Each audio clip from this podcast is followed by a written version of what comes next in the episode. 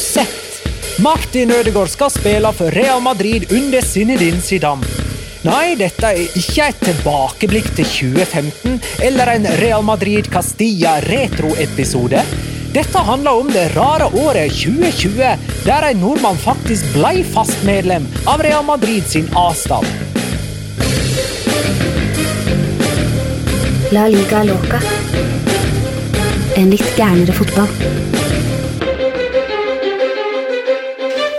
Ja, ja, ja. Så ble det altså bonusepisode av La Liga Loca en onsdag kveld i august. Den 12. august, faktisk. Klokka fem over sju. Dagsrevyen har akkurat begynt og kommer helt sikkert til å si et eller annet om Martin Ødegaard, som nå er klar for A-stallen til Real Madrid. Han skulle egentlig ha en lånesesong til i Real Sociedad, men nå er han altså tilbake og klar for Real Madrid. Denne gangen, i motsetning til første gang, altså i A-stallen og ikke for reservelaget. Eh, og da går vi vel ut ifra eh, at det blir en del førstelagsfotball kommende sesong. Det skal vi snakke om. Vi er nødt til å nevne at Valencia eh, er et synkende skip. Men vi begynner med eh, Martin Ødegaard. Eh, Petter, hvorfor ble det så viktig i løpet av disse siste par dagene i denne veka her å få Martin Ødegaard tilbake til Real Madrid? Nei, Den informasjonen eh, vi sitter på, er jo at eh, Real Madrid har hatt 100% fokus på det sportslige de var fortsatt med i, eh, i, Champions League, eh, selv om utgangspunktet var dårlig og at man kanskje ja, nok visste at man var underdog der og sannsynligvis bare hadde én kamp igjen av sesongen. Men etter kampen mot Manchester City så skjønte Zinedine Zidane og egentlig alle andre at eh, det, det er et eller annet her som mangler. Vi er ikke akkurat der vi skal. Vi vant La Liga, ja, men det var en veldig spesiell sesong. Vi kan ikke legge for mye vekt på det. Et eller annet må skje. Uh, og I den situasjonen uh, som er økonomisk i Real Madrid og egentlig alle andre spanske klubber, uh, meget mye dårligere enn hva den burde ha vært pga. covid-19, manglende inntektstap osv., så, videre, så er nesten den eneste reelle muligheten å forsterke seg på er å hente tilbake de leiespillerne som man har hatt i andre klubber, som man ser har god nok kvalitet til å være en del av stallen kommende sesong. og her er vi. Martin Ødegaard er da altså en av de som blir henta tilbake igjen. Vet du hva, Petter? Jeg glemte å si hei. Uh, det er fordi at vi har måttet skrape sammen denne podkastepisoden i hui og hast. Uh, og da går ting fort unna. Jeg har lyst til å si hei til deg òg, Jonas Giæver. Uh, og dette kommer fra meg, Magnar Kvalvik. Hva kan du legge til av informasjon du vet fra det Petter nettopp sa? Først og fremst hei til Magnar Kvalvik og hei til Petter Wæland. Hei til dere begge. Veldig hyggelig å prate med dere igjen. Det har jo blitt en liten stund siden sist. Det eh, vi vet, er vel egentlig mest det Petter sa her, men for å legge til noe tilleggsinformasjon, så er det jo det at eh, man har jo ventet på at Martin Ødegaard skulle inn og ta over eh, etter Luka Modric, som man har forventet skulle spille ett år til. Det er jo ikke sikkert at han skal det ennå. Det kan jo være at de ønsker å få fjernet han litt tidligere, grunnet sikkert lønninger og det at han begynner å bli gammel. Men samtidig, som Petter også er inne på her, man har ikke muligheten til å forsterke seg på lik linje som man kanskje har ønsket. og Derfor, for å få mer dybde og mer kvalitet i troppen, så har man valgt nå å hente Martin eh, Ødegaard tilbake til Real Madrid. Det er det vi egentlig vet, og så har det gått mye rykter den siste tiden om at en spiller som Isco for eksempel, kan være på vei til Juventus etter at Andrea Pirlo tok over. Han skal visstnok være veldig stor fan av ham. Eh, så Ryktene har begynt å gå om spillere som kan forlate Real Madrid i posisjoner som Ødegaard kan spille. og Han har jo vist det at han har på toppnivået sitt en kvalitet som går over over de aller fleste spillere i La Liga. og jeg tror at For Real Madrid så tror de sikkert også det at med bedre spillere rundt ham, så kan han vise det over lengre tid også. Så Det er, eh, det er vel egentlig det vi vet, og så må vi nesten finne mer ut i løpet av de neste par dagene hva som er den faktiske planen til Real Madrid, men jeg tror ikke de hadde hentet ham tilbake hvis ikke Ødegård-campen, for å bruke det, eller Team Ødegård har fått en viss fornemmelse om at han kommer til å bli satset på og kommer til å spille en del kamper denne sesongen. her. Det sies jo at uh, Zidane ringte personlig Ødegaard sjøl og sa vi vil ha deg tilbake igjen. Uh, er du med? Eh, og Svaret her har jo da åpenbart vært eh, ja, eh, fra Martins side. Den informasjonen kommer fra kilder som anses å være troverdige på bakgrunn av hva vedkommende eller den kanalen har meldt tidligere, både om Ødegaard-situasjonen, men òg om de høye herrer i Real Madrid. Det er et veldig flott kontaktnettverk de har der.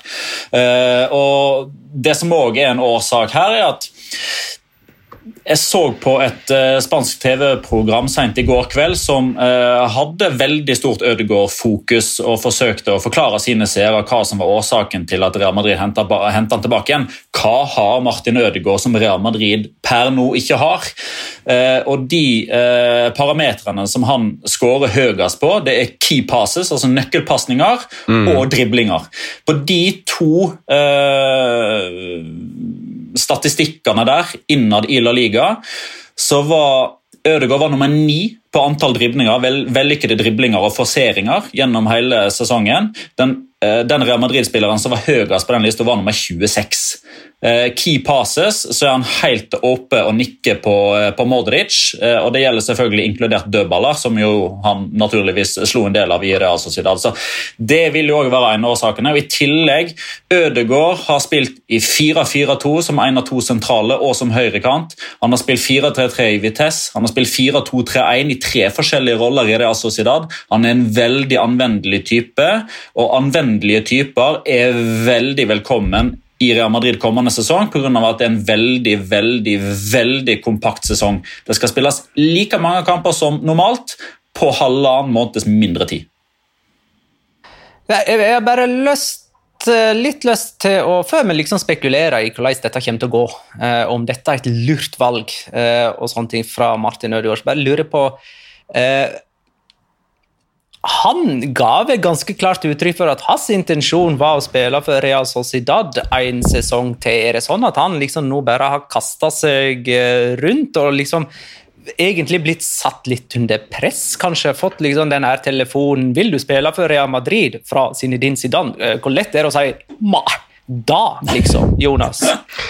Nei, jeg tror, Du er kanskje inne på noe her, men samtidig så tror jeg at i den samtalen så har det vært litt mer enn bare det ene spørsmålet vil du spille for Real Madrid. Jeg tror det har vært litt mer uh, vettug og litt mer mm, detalj, detaljnivå på hva de kunne tilby Martin Ødegaard denne gangen her. og så tipper jeg jo da at hvis Real Madrid kan komme med et visst antall kamper og vise seg til at de kommer til å satse på ham eh, i en visst antall del av sesongen, så vil nok det appellere mer til Martin Ødegaard, som har vært veldig tydelig hele veien på at hans mål er å spille for Real Madrid, og han ønsker å vise at han er god nok for Real Madrid.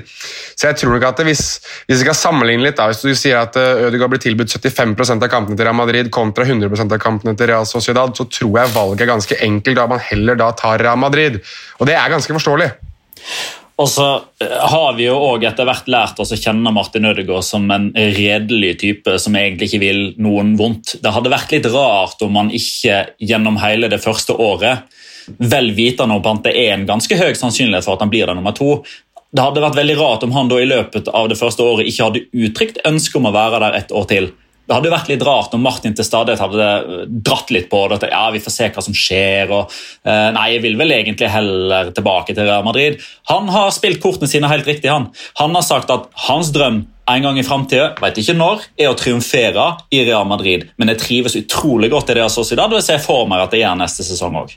Det er jo, kan du ta en litt personlig historie akkurat der? Altså, jeg intervjuet jo Martin Ødegaard etter den kampen mot Atletico Madrid på eh, nye Anoeta, som det da ble omdøpt til, ettersom de hadde tatt vekk løpebanen osv. Da stilte jeg jo det spørsmålet rundt hvorvidt han, han, det eksisterer en mulighet for å dra tilbake til Real Madrid. Det gjorde de jo, det kom de jo fram. og, og Da var han jo tydelig på at det er jo mulighet man da eventuelt må se på når sesongen er over, og det synes jeg kanskje er det som er mest tiltalende i Ødegaard-saken her. Da, at Han har hele tiden vært veldig på det at vi må se etter sesongen hvor vi står, og så får vi se hva det da blir til. Men at han hele tiden har hatt det å spille i Real Sociedad en sesong til som sitt mest sannsynlige valg, for det var det som var mest sannsynlig da han signerte for Real Sociedad på lån.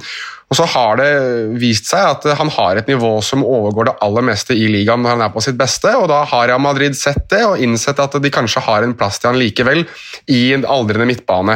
Og Da tror jeg rett og slett at man har funnet ut nå at uh, kanskje det er litt nå eller aldri også for Ødegaard sin del, også litt med tanke på at Real Madrid også kan ha større kontroll på denne kneskaden hans, som det snakkes mer og mer om, eller om det er ankelskade eller er det kne nå, er det ikke det? Ja, jumpers, jumpers knee. Ja, det er det der. Mm. Så det, er, det, gir jo mening da, at de også da vil ha større sjanse til å kunne følge ham tettere og følge utviklingen hans tettere. For det har jo vært et prestisjeprosjekt. Det er jo ikke noe å komme unna. Altså det Martin Ødegaard-greiene var jo Florentino Perez presenterte han som en sånn ny Galactico osv. Så, videre. så det her er jo åpenbart at de har lyst til å få til å fungere, også for å kunne vise dette fram si ti år i framtid. Se dette prosjektet vi hadde med denne unggutten som vi hentet fra dette lille stedet i Norge, og se hvilken superstjerne han ble. Så det er jo åpenbart at dette her er noe de har lyst til å få gjennom. Um, det betyr jo at han forlater et Real Sociedad som jo er klare for Copa del Rey-finale denne sesongen, uten at vi vet når den uh, finalen blir spilt. Kanskje er han klar for Copa del Rey-finale med Real Madrid bare veka etterpå.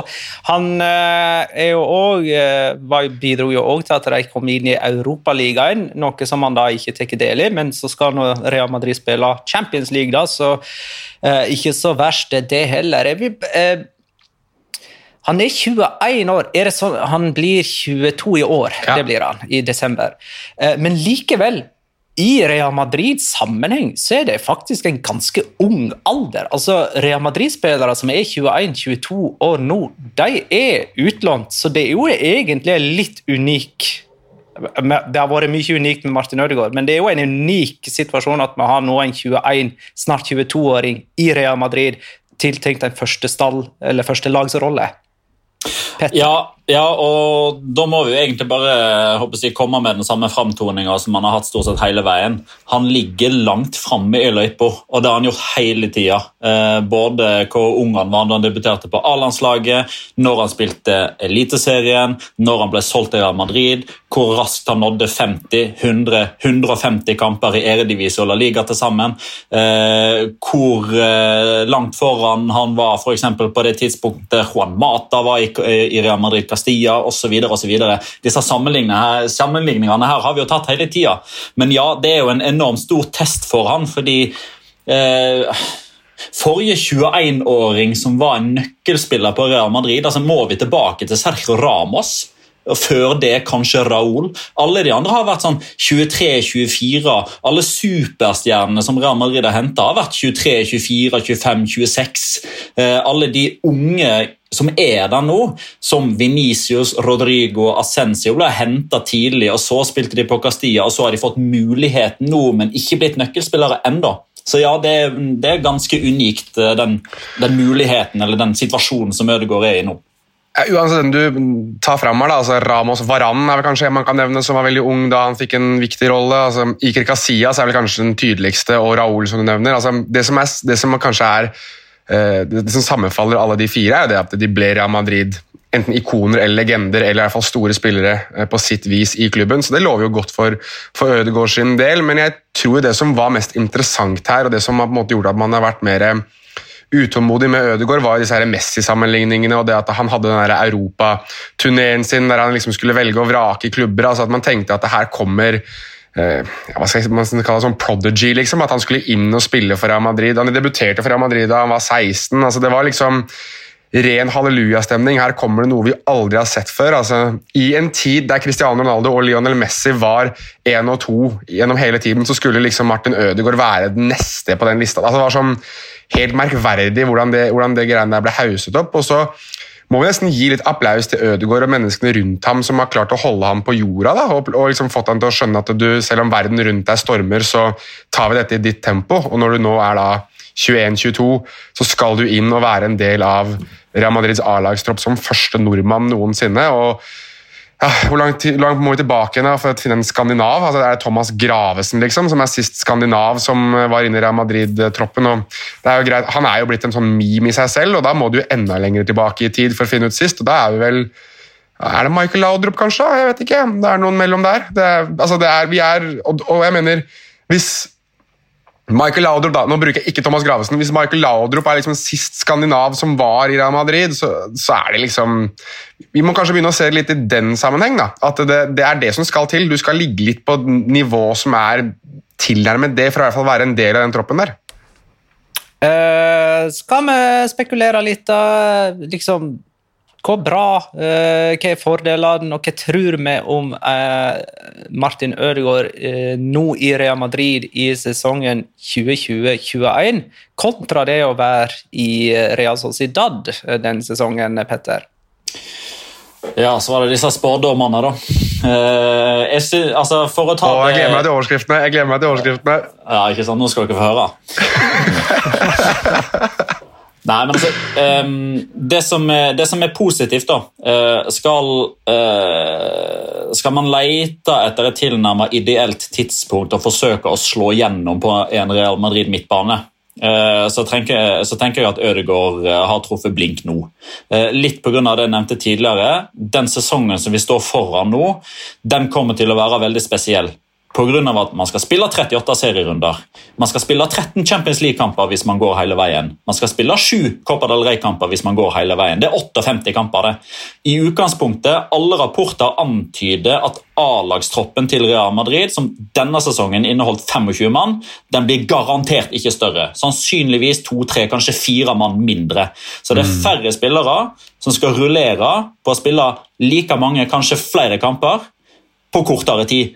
Ergo muligheten for spilletid på generelt grunnlag i en prestasjonsgruppe blir større. Se på Eliteserien denne sesongen. her, Hvor mange unge spillere som får muligheten. Hvor mye rotasjon, og rullering det er. Noe tilsvarende vil man komme til å se i La Liga denne sesongen. Kanskje ytterligere forsterka hvis de velger å fortsette å bruke fem bytter i La Liga-sammenheng. Der har ikke det kommet noen offisiell eh, avkreftelse eller bekreftelse ennå. Samtidig, sammenligner man eh, Nå viste det seg ganske tidlig da, at den diskusjonen rundt norske lunsjkafeer og kaffebord i 2015 og 2016 den var litt prematur, om det var Hames eller Isco som måtte vike for Ødegaard. Det var litt tidlig. Men han skulle jo ha drakt nummer 16. han Ja, det var ikke måte på. Han skulle få. Det ble Lucas Silva, forresten. Han Har nå hørt fra han? Nei. Eh, men da var liksom, da var Kroos der. Da var Casemiro der, da var Modric der, men da var de fem år yngre. Da var de midt i sin prime. Eh, og eh, Jeg skal ikke snakke ned Kroos eller Modric eller Casemiro på noe som helst måte, men de blir eldre, de òg. Og spesielt Modric, som er 34. Det er nok den primære tanken, tenker jeg, at på venstre indre løper så er det Isco hvis han blir værende, Ceballos hvis han kommer tilbake igjen, og Kroos som i utgangspunktet rullerer. Jeg tror Federico Valverde kommer til å bli mer anker. Kanskje 50-50 anker indre løper, og være på mange måter bak Casemiro. Og så er det Ødegaard som skal inn og pushe Modric, holde Modric på tå hev. Modric skal lære sine avtaker noen triks på utenfor eh, banen. Eh, og så er det liksom på mange måter der vi ser rulleringa. da det morsomme her er jo litt det at uh, den som bærer drakt nummer 16 i Real Madrid i skrivende stund, er jo faktisk James Rodriguez. Det er fort han som måtte vike hvis Ødegaard skulle fått det draktnummeret nå. Så det er jo en sånn der eh, selvoppfyllende profeti, det greiene her. Men nei, Jeg er helt enig med det du sier. Men en annen ting som jeg synes er viktig å ta med her, er jo også det at Ødegaard har jo lært seg litt mer spansk kultur nå òg, da. Altså, det var jo snakk om at han slet med å komme inn i Castilla i sin tid, for han ikke snakket språket, og at spillerne var sjalu på ham, og at det var vanskelig for han å bryte inn i Eh, det som var en gruppe den gangen, da, der man kanskje skulle vise seg mer og mer fram. Altså, nå har det jo kommet fram den siste tiden at uh, han er frykt, fryktelig god venn med Federico Valverde. Altså, de, de snakket sammen nå det året her mens, uh, mens Ødegaard var borte fra Madrid. Altså, de har tekstet og holdt kontakten. Altså, du har Azar som snakker engelsk, du har uh, Modric som snakker engelsk, Kroos snakker engelsk. Hvis Gareth Bale blir et år til, så er han enda en person å kanskje lære å spille golf av, for Altså, det kommer til å være mye han kan gjøre både på og utenfor banen, enten det er å heppe med Modric eller spille golf med Gareth Bale. um, det jeg er litt sånn bekymra for, da, uh, for å ta uh, spekulasjonene litt videre, det er jo det at i Real Sociedad denne sesongen her, så har han på en måte tatt veldig mye ansvar. Hver gang han har fått ballen, så har han gjerne prøvd å vende seg opp, komme rettvendt, sette til løsninger. Eh, og som Petter er inne på, hatt mange nøkkelpasninger. Det hadde han òg i, i Strømsgodset da han eh, var 15 år og herja i Eliteserien. Men da han spilte treningskamper for Real Madrid i sin første Det blir jo hans første preseason. da, Han kom jo i januar, og så var han med i preseason til den påfølgende sesongen. Da spilte han veldig safe. Eh, da var, følte jeg ikke at han var liksom i den oppsøkende modusen. Og så har han klart å lære seg til det der gjennom ja, litt tilvenning først i Heerenveen, og så nå i Real Sociedad. Kan han være den som går litt i front på banen og i Real Madrid, eller kan det fort bli en sånn for stor oppgave som gjør at han oppsøker det sikre, trygge og spiller på det rolige litt, med litt mindre kreativitet og fantasi? Ja, Der håper jeg jo at det oppholdet i Real Sociedad eh, både har vist og ikke minst lært han hvor mye man har å tjene på å være jeg, tjukk i huet. Eh, ikke i negativ forstand, men å, å, å ha selvtillit og fram med brystkassa og ta det ansvaret. Det var jo, Veldig gutsy. Ja, det var jo nettopp den tilnærminga til den eh, utfordringa i Real Sociedad han tok. Eh, og det snakka jo både hovedtreneren i Manol Alguacil, men òg de fysiske trenerne. og sånn snakka om hvor mye han tok tak på treninga allerede fra dag én. Sjøl i det muntlige han snakka jo ikke, altså han snakka jo litt spansk da, han snakker veldig mye bedre spansk nå, men selv om han da i utgangspunktet kom inn som en utfordrer, eh, en nordmann som folk bare hadde hørt om, men ikke sett så veldig mye av, som kom fra Real Madrid selv med de forutsetningene der så kom han inn og tok tak umiddelbart. og Det var nok en av årsakene til at starten hans var så bra. Han tok det ansvaret som han fikk. Um, og så vil jeg jo også påpeke at det er en veldig stor forskjell på både fotballspillere, men òg mennesket Martin Ødegaard fra det vi sammenligner han med nå, da, med disse preseason-kampene i 2018, eh, eller hva det var for noe.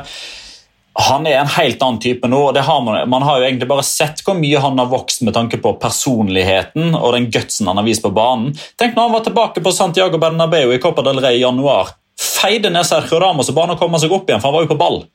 Altså Bare det i seg selv viser at han har vokst veldig, eh, og at han har litt større baller.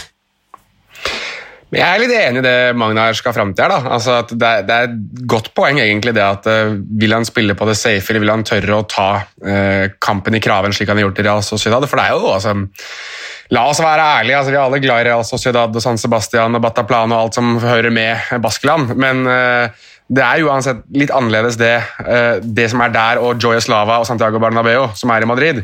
Eh, og da mener jeg det at man rett og slett Jeg, jeg tror at Ødegaard rett og slett kommer til å være litt varsom til å begynne med for ikke ta for mye plass heller til å by, altså helt i startfasen, men samtidig så vi har snakket mye om at Zidane er en clap your hands-manager, men hvis jeg skal gi ham en annen eh, altså en annen, hva skal jeg si for noe, sånn moniker, som det heter på engelsk Karakteristikk, eller? Karakteristikk, kan du kalle det. Altså, han er veldig god til å gi klare beskjeder. Altså, han, han, er utrolig god til det å gi spillere klare instrukser på hvordan han ønsker at de skal spille og vise seg fram på banen. Det har vi sett med en del av innbyttene hans, spesielt etter koronakrisen. der blant annet, altså, Både Mariano og Ascencio kom jo inn og skåret uh, et halvt minutt etter at de ble byttet innpå, f.eks. Og så har man jo vist tidligere at han, han er en god kampleder, og det, det tror jeg um, ganger ganske bra for Ødegaard, i tillegg til at uh, som Petter sier, han kan spille i så mange ulike roller og er ikke redd for å ta i et tak når det, når det faktisk gjelder. Og da, da, tror jeg fort at du kan bli en Zidane-yndling, slik, slik, som f.eks. Valverde var i, i, en tid. Men Ødegaard, Zidane er også flink på det å, å spare de typene for at de ikke skal bli altfor utbrent, da, eller at de får for mye ansvar på skuldrene sine i sine første sesonger i Real Madrid. Og så er det jo selvfølgelig den åpenbare risikoen her, da, den potensielle nedsida her er jo eh, hvis man plutselig står i en, i en, situasjon der man etter hvert skjønner at nei, dette, dette, gikk ikke, dette var ikke så lurt. Den sjansen er der jo helt åpenbart. Det sier jo seg selv. Det er Real Madrid vi snakker om. Det er kanskje det trangeste nåløyet i verden. Eh, og en veldig utålmodighet. Eh, og jeg er stor fan av Zidane som fyr og fotballtrener og tidligere fotballspiller. Jeg digger Zidane for, for, alt han har gjort for fotballen. Eh, men han har òg vist en tendens til ikke nødvendigvis å være den som står i det når han gir nye spillere muligheten. Det er en grunn til at vi nå, seks år etter eh, Lisboa 2014, fortsatt ser bort mot den samme startelveren. Eh, det er pga. at han veldig ofte går tilbake igjen til det litt trygge, trauste, gamle. Misforstå meg rett. Når James Rodriguez ikke tar muligheten, når Brahim Diaz ikke tar muligheten, eh, når Isco ikke tar muligheten, så er det gjerne de samme gamle som er tilbake igjen. Der ligger jo selvfølgelig fallgruva, men hei, du kan ikke lykkes i Real Madrid hvis du ikke prøver.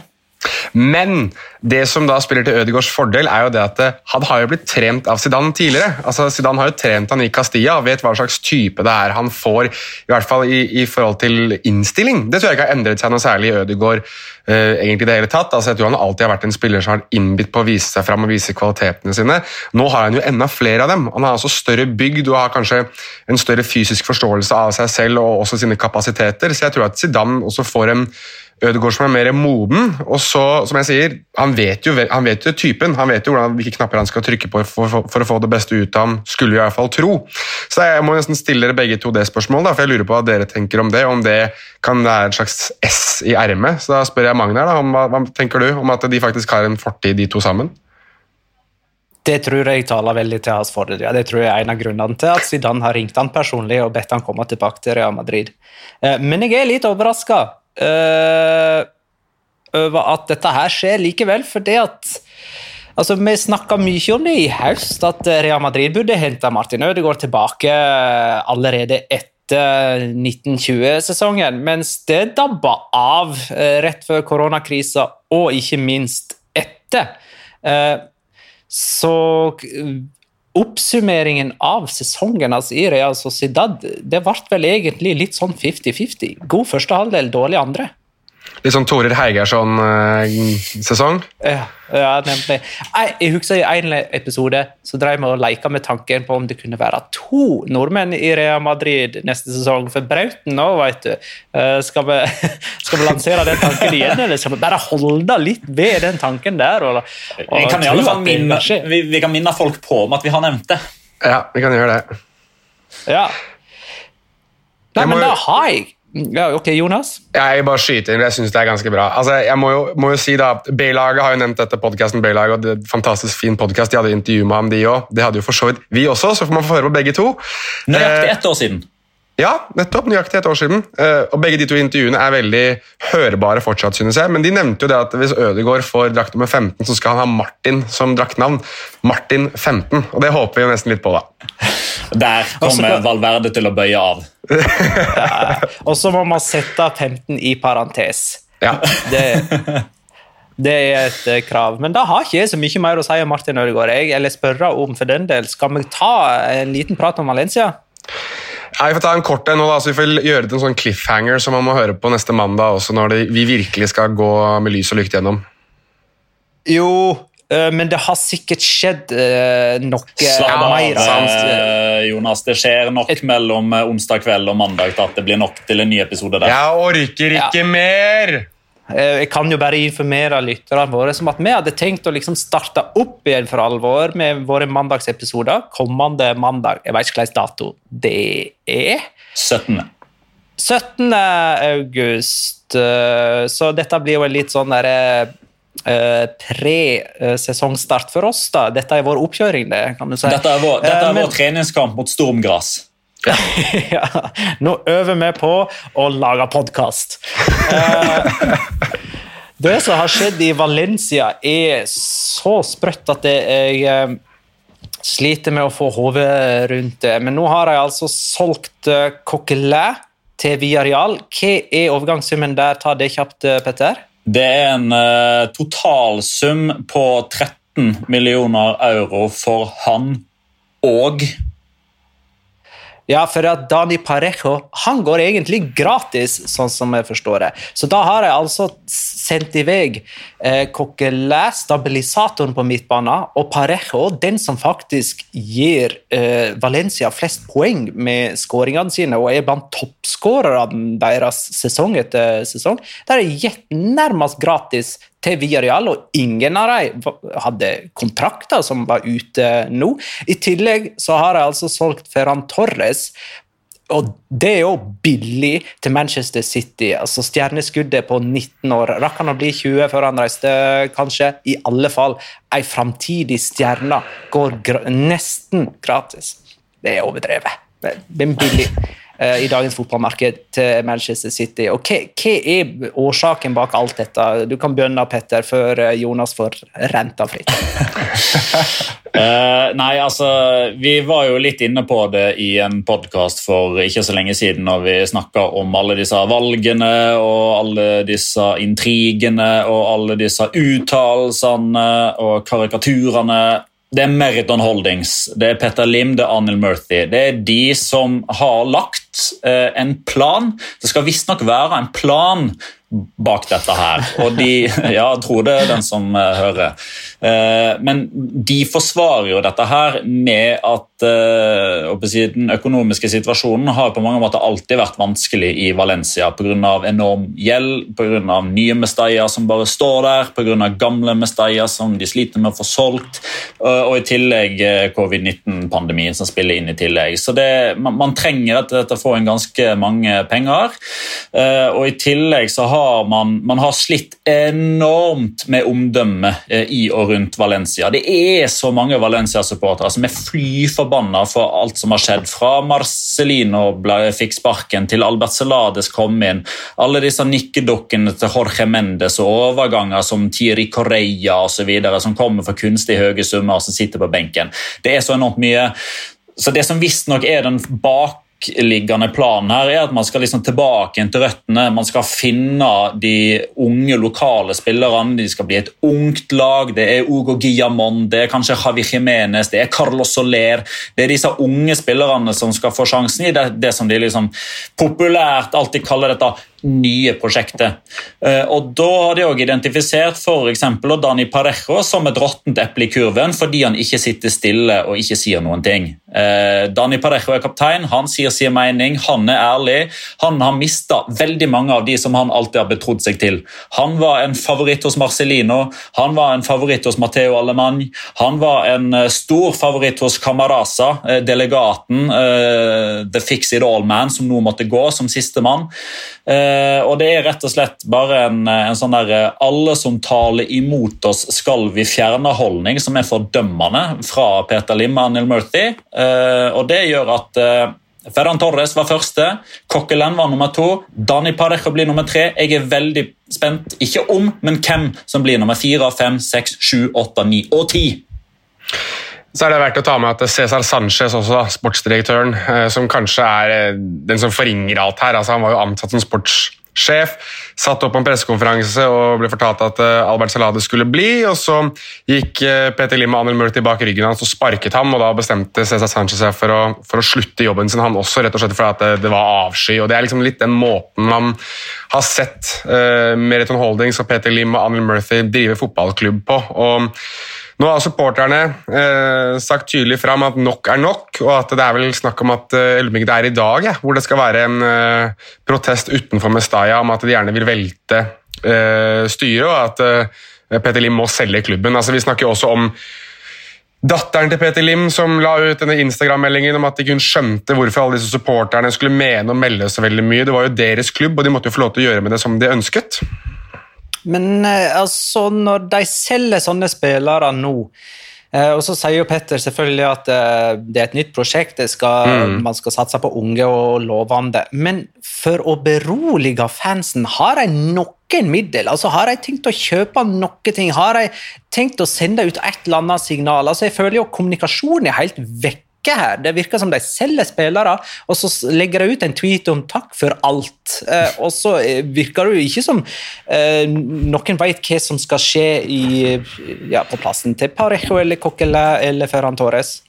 Nei, altså Det har jo vært ryktet, og det ryktes jo om en eller annen russer som jeg aldri har hørt om. Og så har det vært Jan Herrera som har vært nevnt. altså Det har liksom ikke vært noen store navn. og Jeg tror at det hele egentlig bunner også litt ut i treneransettelsen. altså Havi Gracia, greit nok eh, ok trener, men det var, liksom, det var et ganske langt steg ned da, fra typer som Unai Emeri og Ernesto Valverde, som var de to første som han nevnte som mulige valg. altså Det svir jo enda mer når Unai Emeri faktisk tar over via Real, som også tar over resten av laget. Nå har man jo strengt tatt begynt å spøke med at det skal ikke bare gi hele flaggermusen over til Villarreal også, så har du liksom fått det som er igjen av Valencia. Um, Sistemann som ryktes ut for å ta det, er jo, er jo Gabriel Paulista, midtstopperen, som også skal være i hvert fall av interesse for nettopp via Real.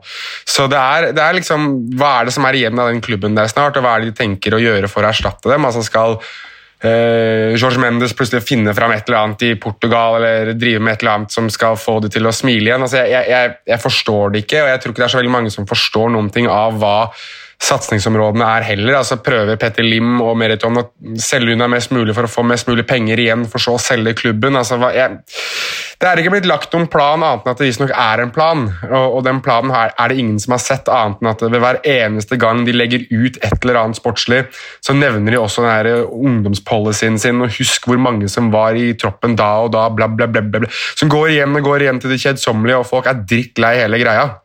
Så jeg tror Og Altså, for å men, avslutte, Jeg skal ikke, jeg skal ikke gjøre dette Mangala-rant, men For han er der fortsatt satt? Han er der selvfølgelig, vet du. Han skal være med videre for det prosjektet. Ja, ikke sant? Skjønner du? Nei, altså, Jeg tror poenget her er litt det at man jeg tror det skal bli litt verre før det blir litt bedre, og jeg tror at i dag så har begeret virkelig rent over med altså, Daniel Parejo har visst ikke fått lov til å holde en pressekonferanse på Mestalla, slik han selv ønsket. Det skal Valencia ha sagt nei til, ifølge i hvert fall par rapporter. Nå har ikke de blitt bekreftet på noen som helst måte, men han har jo holdt en pressekonferanse hvis du kaller det, da, på sitt eget hjem, der han er egentlig sittet og grått mesteparten av tiden og sagt at dette her ønsker jeg ikke. Jeg har hatt lyst til å legge opp i, i Valencia. Barna mine spør meg hvorfor må vi bytte klubb. altså det er jo en helt uh, fortvilende situasjon for kapteinen som har vært der i ni år, løftet Copa del Rey-trofeet, og som Strengt tatt greit nok at han har gjort mye rart, da, men samtidig så har det i hvert fall vært en, en, en kar som har vært en bærebjelke for det som er å være valencianista. og, og da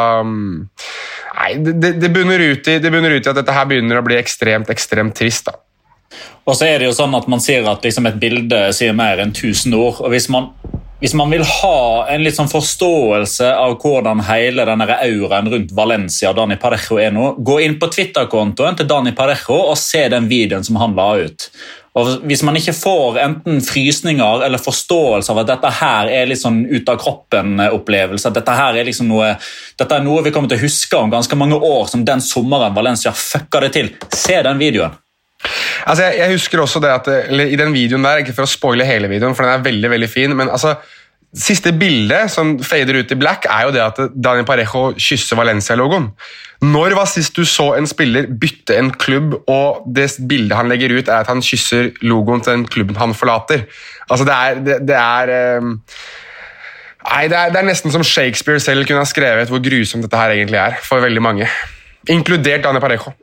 Det virker jo nesten som Villarreal òg kjøper disse spillerne med en litt sånn flau smak i munnen. Det er jo liksom Få så bra spillere for så lite penger, går det virkelig an? Men uh, var det noe konkurranse om dem, eller er det bare fordi at de trenger ikke å flytte ut av huset sitt? Ja, jeg tror For Parejo sin del i hvert fall, så var det snakk om at han ikke ønsket å flytte fra, fra Valencia. og da er det jo Du kan jo, kan jo fint bo i Valencia og spille for Villarreal, og så har vel Villarreal en god del mer penger enn Levante hadde hatt. Jeg tror at Det har vel kanskje vært litt mer oppstandelse rundt valget til Parejo da, hvis han hadde gått til Levante kontra det å gå til Villarreal, som greit nok det er en rival, men jeg tror at det er veldig mange flere som har mer imot Levante enn de har imot Villarreal. da. Så og For Coquelin så regner jeg vel med at det er noe av det samme. Jeg, vil ikke tro at, altså jeg tror ikke noe av de har planlagt å forlate eh, Valencia eller forlate La Liga på noen slags måte denne sesongen. Ikke det at det er så mange som planlegger nødvendigvis overgangene sine, men dette her har jo kommet veldig ut av det blå. da.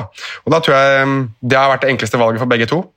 Og så har jo Francis Coquelin sjøl sagt før at når han eh, bytter klubb Ikke at det skjer så veldig ofte, da, men eh, i hvert fall når han bytta fra Arsenal til Valencia, så hadde han gjort det på bakgrunn av at folk hadde fortalt han veldig mye fint om eh, Valencia. Mm. Blant annet Kevin Gameiro, som, eh, som, eh, som, hadde god kjennskap til han, som han kjente fra før av.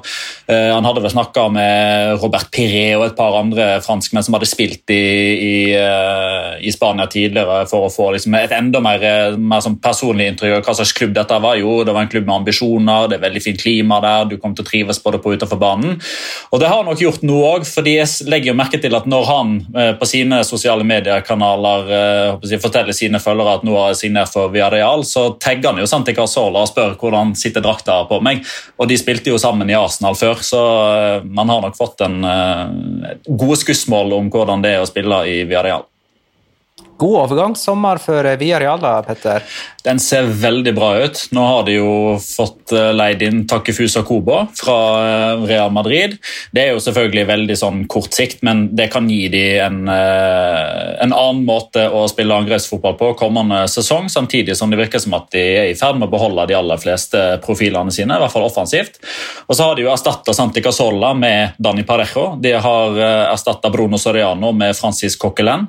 Så er spørsmålet hva man gjør med at Sambo Angissa ikke forsvinner forsvinner. Det er vel det eneste fraværet som ser ut til å komme. Og så er jo Ramir og Fones Mori snart eh, skadefri igjen. Så. Å, herregud. Ja, ja. Jeg fikk ikke til en byttehandel altså, med han og Parejo, som kom ja. gå andre veien. Bare for å sparke meg i skrittet, ja, så kunne du gjort det. Mm. Men, og Overgangsvinduet er vel egentlig ikke åpna engang? Jo, det åpna vel 4. august, eh, tror jeg. Og det gjorde det, ja. ja. ja. Men uh, da skjer det sikkert mer i helga, og da har vi sikkert mer å snakke om uh, på mandag. Hei, uh, innen det så har jo Barcelona spilt mot Bayern München i Champions League kvartfinale, f.eks. Sevilla har vel òg møtt Manchester United i Europaligaens semifinale innen da. Så, er ikke det den mandagen, da? Jeg mente det var søndag. Jeg tror det var søndag, jeg òg, men jeg kan være til bommer. Og så at den andre med Inter Sjaktar går mandag. Ok, Jeg tror men, det var omvendt, men eh, jeg skal ikke Ja, Det kan godt hende det. Og så har jo Atletico Madrid og da spilt mot eh, Leipzig. Det hadde jeg glemt, eh, så det har vi å snakke om da. Ja, ja, men, Så da blir det jo mye innhold. Men takk for at dere kasta dere rundt nå, da, gutta. Skal dere si takk til meg òg for å ha kasta meg rundt? Ja, Takk til at du kasta deg rundt, Magnar. Jeg ga deg en tommel opp, men det hører jo ikke lytterne. Så jeg burde kanskje si at nå viste jeg en tommel opp og sier tusen takk, Magnar. Sporty. Tusen, tusen takk for at du lytta, kjære lytter. Ha det, da.